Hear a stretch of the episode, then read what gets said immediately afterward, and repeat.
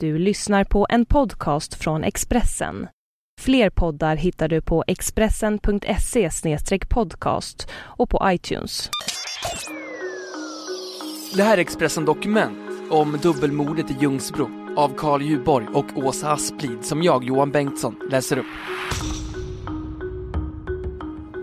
Han hade dukat fram räkor och vin när hon kom och hälsade på. Men den romantiska helgen slutade i värsta tänkbara katastrof. När den 57-åriga kvinnan stod på altanen strax innan sängdags hörde hon en ung pojke skrika för sitt liv. Och tillsammans med sin pojkvän kastade hon sig ut i natten för att rädda 15-åringen. Hon var sådär. Hon släppte inte något utan skulle ta reda på allting hela tiden och hjälpa andra, säger pojkvännen Kenneth Karlsson, 55. Nu är en 33-årig man häktad på sannolika skäl misstänkt för dubbelmord.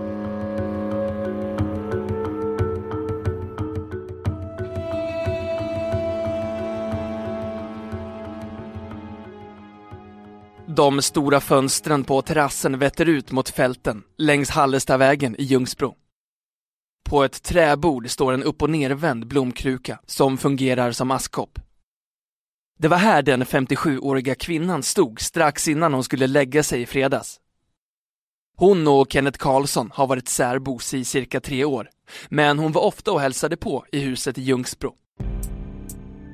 Den här helgen kom hon med buss från Västsverige till Linköping strax efter klockan 21 på kvällen. Kenneth Karlsson hade ägnat timmarna innan åt att städa bostaden och köpa hem vitt vin och färska räkor för en sen middag.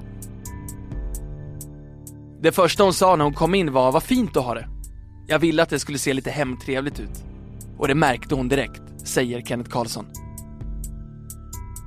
Efter maten tittade de lite på TV och diskuterade sin gemensamma framtid. Drog upp planer för våren och sommaren.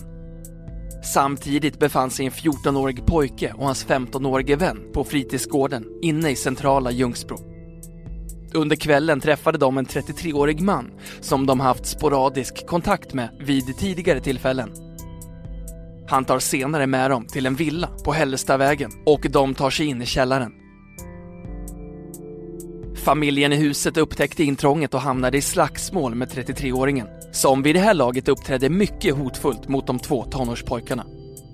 Delar av familjen lyckades frita 14-åringen medan 33-åringen försvann ut och släpade 15-åringen efter sig.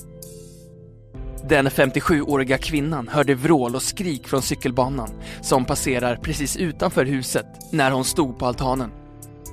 Hon larmade genast sin särbo Kenneth Karlsson som arbetar inom räddningstjänsten.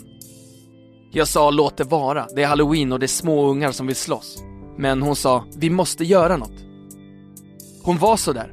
Hon släppte inte något utan skulle ta reda på allting hela tiden. Försöka lösa problemet, säger Kenneth Karlsson. Han berättar hur hans flickvän, en 160 cm lång kvinna på omkring 50 kilo, genast kastade på sig ytterkläderna för att ge sig ut och avbryta slagsmålet. Jag hörde att det inte var ett vanligt handgemäng och ville inte släppa iväg henne ensam. Så jag ropade lugn och fann min morakniv och den stoppade jag i fickan innan jag följde efter, säger Kenneth Karlsson. När de kom ner till cykelbanan var det helt tyst och de såg en person stå vid dikeskanten och slå med ett järnrör i marken. När de kom lite närmare upptäckte de att det låg en person på platsen där mannen slog. Min flickvän skriker men han reagerar inte.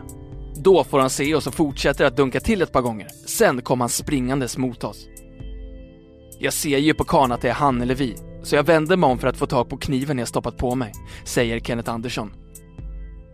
Huvudvridningen tog ett par sekunder. Ögonblicket efter får Kenneth järnröret i huvudet. Trots slaget höll han sig på benen och försökte hugga 33-åringen i sidan. I samband med det snubblade den misstänkta mördaren och föll ner i diket. Kenneth satte sig på honom och tryckte ner kroppen. Strax efter kom en förbipasserande man och hjälper honom hålla fast den misstänkte mördaren. Men när de ska försöka larma polisen lyckas mannen fly. Istället för att följa efter honom sprang Kenneth fram till den nedslagne pojken. Han kunde snabbt avgöra att 15-åringen var död och vände blicken åt andra hållet. Där låg ytterligare en person i diket och han kände snart igen ytterkläderna. Jag springer först upp på vägen och ropar efter min flickvän. Tänker att hon blivit rädd och sprungit iväg. Sen tänker jag, vänta nu, det var ju den jackan hon hade på sig. Kenneth Karlssons axlar skakar av gråt när han sitter vid köksbordet, två och ett halvt dygn senare. Han måste ha träffat henne i huvudet precis när jag vände mig om. Om jag sett honom komma hade jag kanske kunnat knuffa iväg henne. Att allting kan stämma in så jävla väl att det blir så in i helvete fel. Det är så jävla sjukt, säger han. Polisen var på plats inom några minuter. Då de redan fått larm om inbrottet i villan. En hundförare lyckades spåra 33-åringen och han greps i ett skogsparti på andra sidan Motala ström som rinner genom samhället. Mannen häktades igår på sannolika skäl misstänkt för dubbelmordet. Under häktningsförhandlingen i Linköpings tingsrätt var mannen med på videolänk från den psykiatriska klinik där han nu vårdas. Han var klädd i en vit t-shirt och satt med huvudet nerböjt när förhandlingen inleddes. Advokat Thomas Bodström berättade att 33-åringen nekar till anklagelserna och uppger att han inte minns något från händelsen. Mannen har i polisförhör avslöjat att han mådde psykiskt dåligt redan en vecka före dåden och att han sökt vård för missbruk och psykisk ohälsa. Det är problem som började för många år sedan. Pappan till den nu misstänkte mördaren skickade honom till släkt i Belgien där han avslutat grundutbildningen i svensk skola för att han skulle läsa en fyraårig handelsutbildning i Bryssel. Men 33-åringen trivdes inte. Han rymde från släkten och började använda droger det utvecklade sig till ett omfattande missbruk av cannabis, amfetamin och kokain. Sen han återvände till Sverige har han arbetat inom vården i flera år. Samtidigt har hans liv kantats av narkotika, grova våldsbrott och fängelsestraff. Flera av domarna handlar om att han överfallit sin ex-flickvän. Kvinnan fick skyddad identitet och flyttade till Linköping för att kunna leva utan ständig rädsla för att mannen skulle dyka upp. Men hon kontaktade honom igen eftersom hon ansåg att han hade rätt att träffa sina barn. Återföreningen slutade med att 33-åringen åtalades för att ha överfallit henne på nytt. Nu är han återigen misstänkt för ett grovt våldsbrott. Han nekar till anklagelserna, men polisen är övertygad om att de gripit rätt person. Vi är säkra på att vi har rätt person som sitter där, men det kan alltid förändras. Vi hoppas att den tekniska utredningen ska backa upp, säger åklagare Britt-Louise Wiklund. Polisen har även inlett en förundersökning mot mannen om misshandel i två fall, grovt hemfridsbrott och mordförsök. Men fler frågetecken återstår fortfarande att få svar på. Motivet till dubbelmordet är fortfarande en gåta och ingen vet hur eller varför de två tonårspojkarna kom till villan i sällskap med den misstänkte mördaren. Så vitt vi vet så finns det ingen koppling mellan pojkarna, platsen och gärningsmannen, säger åklagare Britt-Louise Wiklund. Vi har inlett en förundersökning om olaga frihetsberövande. Det gäller de här två pojkarna, utan att gå in på detaljer, säger hon. Samtidigt fortsätter gravljusen att brinna i Ljungsbro. Ortens invånare har de senaste dagarna vallfärdat till Äppellunden där mordplatsen ligger för att visa sin sorg, saknad och vördnad. Dels för den omtyckte 15-årige pojken och dels för den 57-åriga kvinnan. Få vet vem hon är eftersom hon inte bodde i samhället, men alla är djupt tagna av hennes osjälviska agerande för att försöka rädda en annan människa i nöd. För alla vänner och anhöriga till offren har tillvaron nu slagits i kras.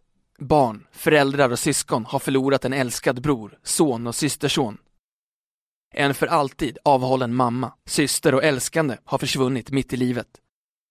Kenneth Karlsson ser platsen där hans flickvän dog så snart han kliver ut på terrassen. Jag gick förbi där i morse. Jag känner att jag kan inte gå ner och sätta ett ljus där. Det är så mycket ljus ändå.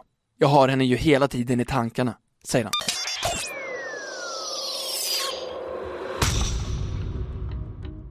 Du har lyssnat på en podcast från Expressen. Ansvarig utgivare är Thomas Mattsson. Fler poddar finns på Expressen.se och på iTunes.